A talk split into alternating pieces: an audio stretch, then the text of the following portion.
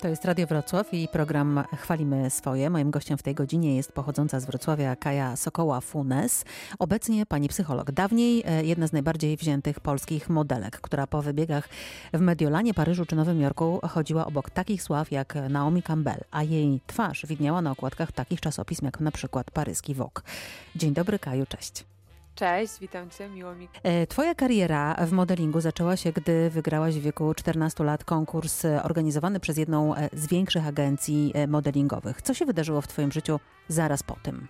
Mhm. Wygraną w konkursie był kontrakt z agencją Next i z, no i z polską agencją Division, a także wyjazd do Paryża na zdjęcia próbne, czyli na sprawdzenie właściwie mm, tego, czy, no, czy, się, czy się nadaje i czy poza tym, że wyglądam, no to jestem fotogeniczna. I byłam zaproszona ja i moja mama. O, pierwszy wyjazd, powiedzmy, był rzeczywiście przełomowy, ale był też o tyle łagodny, że byłam z moją mamą. Byłam z moją mamą, y, jeszcze wtedy nie chodziłam na castingi, wtedy byłyśmy dwa tygodnie w Paryżu, z czego y, miałam kilka dni y, sesji zdjęciowych, e, jednego dnia poznałam agencję, poznałam bookerów, e, a, a resztę czasu spędziłyśmy z mamą na jakimś zwiedzaniu, na chodzeniu po mieście, na taka nasza pierwsza wspólna wycieczka do Paryża, więc to akurat, to samo w sobie było przyjemne.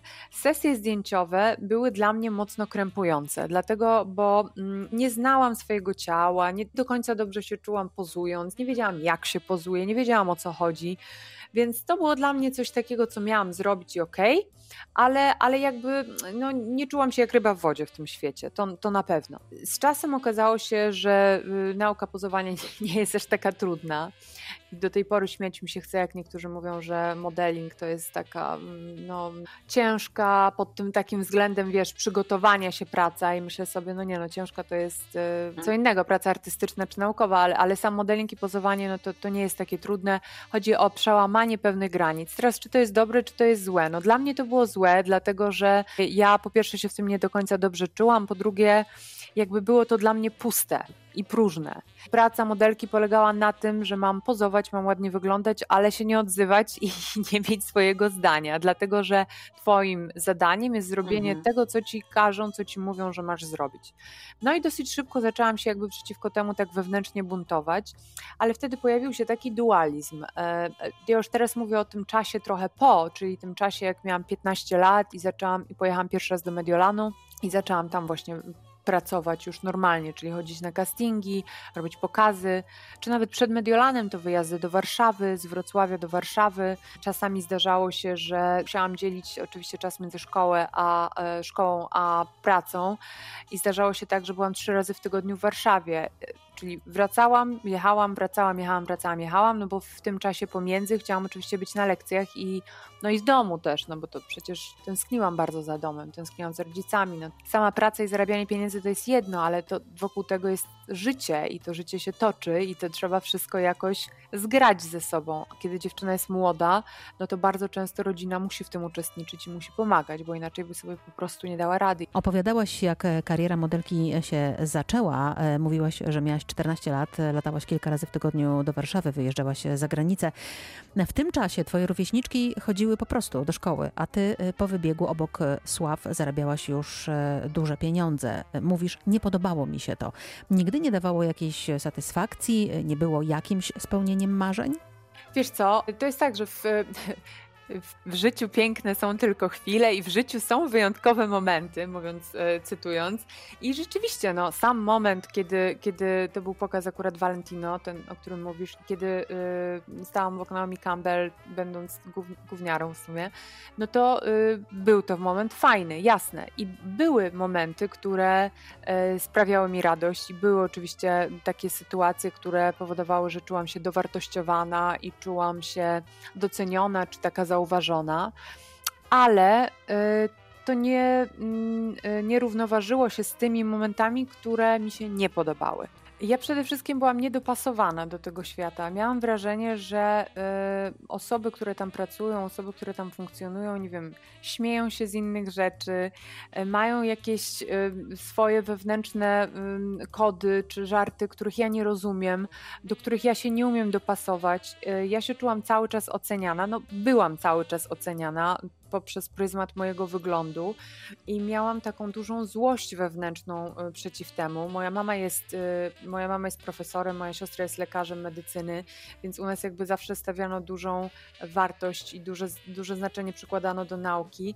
No a tam to wszystko, wiesz, no, było raczej mało znaczące i mało, mało ważne. Tak jakby mam wrażenie, że byłam może trochę z innej gliny ulepiona i poprzez to no, czułam się właśnie y, tak nie do końca na miejscu, ale starałam się bardzo dopasować, to na pewno i to też nie, no, pracowałam w modelingu przez dobrych kilka lat, a nie przez rok czy półtora więc y, jakby trochę mi zajęło takie chęć dopasowania się, chęć odnalezienia siebie, ale chyba to, co mi też bardzo doskwierało, to to, że przez to, że się czułam niedopasowana, to było mi bardzo ciężko tak naprawdę odnaleźć siebie, bo wiesz, ta na przykład, nie wiem, muzyka, czy te książki, czy, czy to, co mnie interesowało, wydawało mi się z jednej strony takie bliskie mi, no bo jakby dla mnie to było fajne, ten mój świat, ale z drugiej strony on był totalnie inny niż świat tych ludzi, którzy mnie otaczali, więc to było takie trochę, to było dla mnie trudne, żeby znaleźć jakąś prawdę w tym wszystkim i żeby znaleźć taką równowagę między tym, co jest czyjeś, a co jest moje.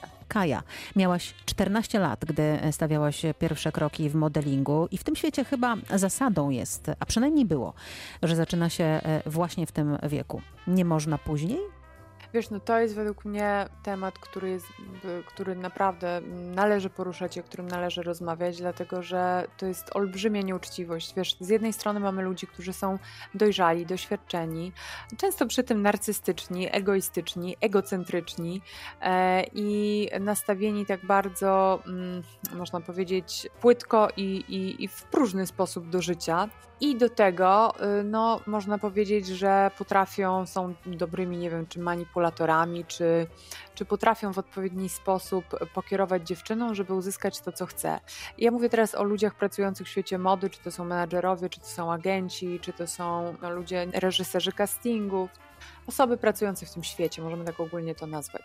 I teraz te osoby, które mają już 10, 15 czy 20 lat plus doświadczenia niż te dziewczyny, które zaczynają 15, 16, 17 latki, no y, nie mogą, dziewczyny nie mają szans, żeby tak naprawdę wywalczyć to, co jest dla nich dobre, żeby zawalczyć o siebie, żeby postawić jasne granice, żeby powiedzieć, co jest ok, a co nie jest ok. Taki przykład z mojej przeszłości.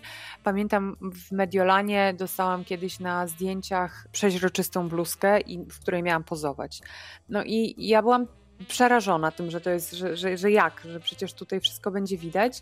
No ale usłyszałam, że ja tutaj jakby nie mam w ogóle prawa do dyskusji i to nie jest pytanie, czy chcę w tym pozować, czy nie, tylko w tym pozuję i już, to jest twój ciuch. I jakby to jest okrutne dla mnie, że ci mm. ludzie nawet przez chwilę nie pomyślą o tym, że to dziecko ma swoich znajomych, ma ojca, ma matkę, którzy no, zobaczą je za jakiś czas, za miesiąc czy za dwa w gazecie ogólnodostępnej e, z właściwie świecącym gołym biustem, nie?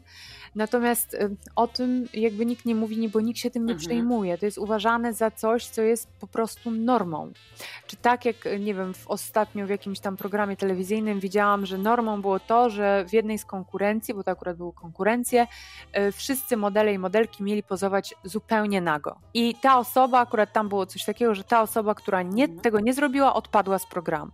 No wiesz, no, no dla mnie to są naprawdę karygodne zachowania. Karygodne, bo odziera się młodego człowieka e, z intymności, bo się wie, że nie ma szans e, na sprzeciw? Bo nie ma siły przebicia, nie ma ukształtowanego charakteru, ale też przede wszystkim boi się. Tutaj jest e, bardzo znaczący czynnik lęku i strachu. Taka młoda osoba nie wie, na co sobie może pozwolić, dlatego że obawia się, że jeśli się sprzeciwi, to na przykład zostanie wyrzucona z agencji albo czekają jakieś konsekwencje prawne, legalne, różne, albo po prostu boi się, że będzie upokorzona przez innych, mogą się z niej wyśmiać. Ona w ogóle podważa też swoje bardzo często niepewności, no bo na przykład zadaje sobie takie pytanie, czy to, czy, czy to jest rzeczywiście nienormalne, że oni mi każą pozować, nie wiem, w samym biustonoszu czy topless, czy jeżeli ktoś każe mi zostać na pokazie mody od godziny 5 rano do 22, to po prostu mam siedzieć i tego i, i robić to, co mi każą? Czy mogę powiedzieć, że jestem zmęczona? Wiesz, te wszystkie pytania rodziły się w mojej głowie i na pewno mhm. rodzą się w głowach bardzo wielu dziewczyn. Opowiadałaś o e, wybiegach w Mediolanie, Paryżu, e, ale e, robiłaś też karierę w Los Angeles. Do Los Angeles ja dosyć późno pojechałam. Mój pierwszy wyjazd to był wyjazd do Nowego Jorku i właściwie stamtąd, jak już byłam w Stanach, to w Los Angeles miałam jakieś sesje zdjęciowe, więc to też było związane z modelingiem. Później, później byłam, chwilę tam mieszkałam, byłam w związku z chłopakiem, który był scenarzystą. Później znowu wróciłam do Nowego Jorku, więc tak trochę było jeżdżenie między tymi miastami, ale jakby Nowy Jork był tym miejscem, gdzie najwięcej mieszkałam, najdłużej mieszkałam i pracowałam. A, a Los Angeles było y, no, takim ostatnim przystankiem może na drodze przed powrotem do Polski. Kaju, jesteś e, jedyną Polką, która e, wzięła udział e, w proteście MeToo i oskarżeniu Harvey'a Weinsteina o molestowanie. Nie żałujesz tej decyzji, no bo spotkałaś się też z krytyką. Nie żałuję tego. Nie żałuję tego, bo było to jakby częścią mojego życia, ale skrywaną przez wiele lat. W pewnym momencie, jakby nie do końca, może wybór był całkowicie mój, taki zamierzony, że chciałam po prostu to ujawnić, ale przez e, pewne obostrzenia prawne, jeżeli chciałam dalej kontynuować tą sprawę, no to musiałam to zrobić jawnie. I tak też się stało. Rzeczywiście w Polsce spotkało się to z takim, znaczy dla mnie to było rozczarowanie trochę, ale też przede wszystkim niedowierzanie, że, że ludzie mogą aż w ten sposób reagować. Czyli generalnie spotkałam się z tym, że wiele osób, czy tam na forach, czy, czy, czy w jakichś rozmowach, no, obwiniało mnie, no albo te dziewczyny, kobiety, które się wynurzały. Ale no mniejsze z tym, ludzie widać tak myślą i jest wielu, którzy w ten sposób myślą. Y, natomiast uważam, że, że i tak warto było to mówić warto było, warto jest nadal o tym mówić, dlatego że, że jest wiele kobiet, które nadal boi się otworzyć, które boi się ujawnić, ale przeciw, przeciwwagą do tego jest właśnie to, że, że pomimo wszystko nadal są osoby, które się, które się ujawniają, które jakby mówią o tym. E, powstają filmy dokumentalne, powstają seriale dokumentalne, które jakby pokazują też, jak wygląda to zjawisko ze strony takiej psychologicznej, czyli umysłów e, ofiar, umysłów oprawców, e, portretów psychologicznych, można powiedzieć, właśnie jednych i drugich. I to jest jakby taki kolejny kamień milowy, który przechodzimy jako świat, jako społeczność i jest bardzo, to jest ważny moment dla kobiet. I już ostatnie pytanie, a co myślisz jako modelka i jako psycholog, gdy widzisz kilkuletnie dziewczynki w pełnym makijażu, które mają konta na Instagramie, są modelkami? No dla mnie to jest, y, to jest, y, to jest, to jest straszne. E, dziecko takie nie ma absolutnie żadnego, mm, że tak powiem, prawa wyboru czy chęci wyboru, no bo mówienie, że oj, jemu się to podoba, on to lubi, to jest przecież jakimś zupełnie krótko, krótkowzrocznym i nierealistycznym patrzeniem na potrzeby dziecka. Dlatego, że dziecko będzie lubiło i będzie mu się podobało to, co mamusia powie, że będzie fajne. Sama się będzie cieszyła i będzie jakby dawała mu takie pozytywne wzmocnienia tego, że robi dobrze, no to będzie mu się to podobało. No ale bardziej z uwagi właśnie na to, że to się mamie podoba, a nie jemu czy jej, tak, dziewczynce. E, także uważam, że to no absolutnie coś takiego w ogóle nie powinno istnieć, nie powinno mieć miejsca. Kaja Sokoła-Funes była moim i Państwa gościem. Dziękuję i wszystkiego dobrego życzę. Dziękuję Ci bardzo. Jak zawsze było przyjemnie i kameralnie miło. Dzięki.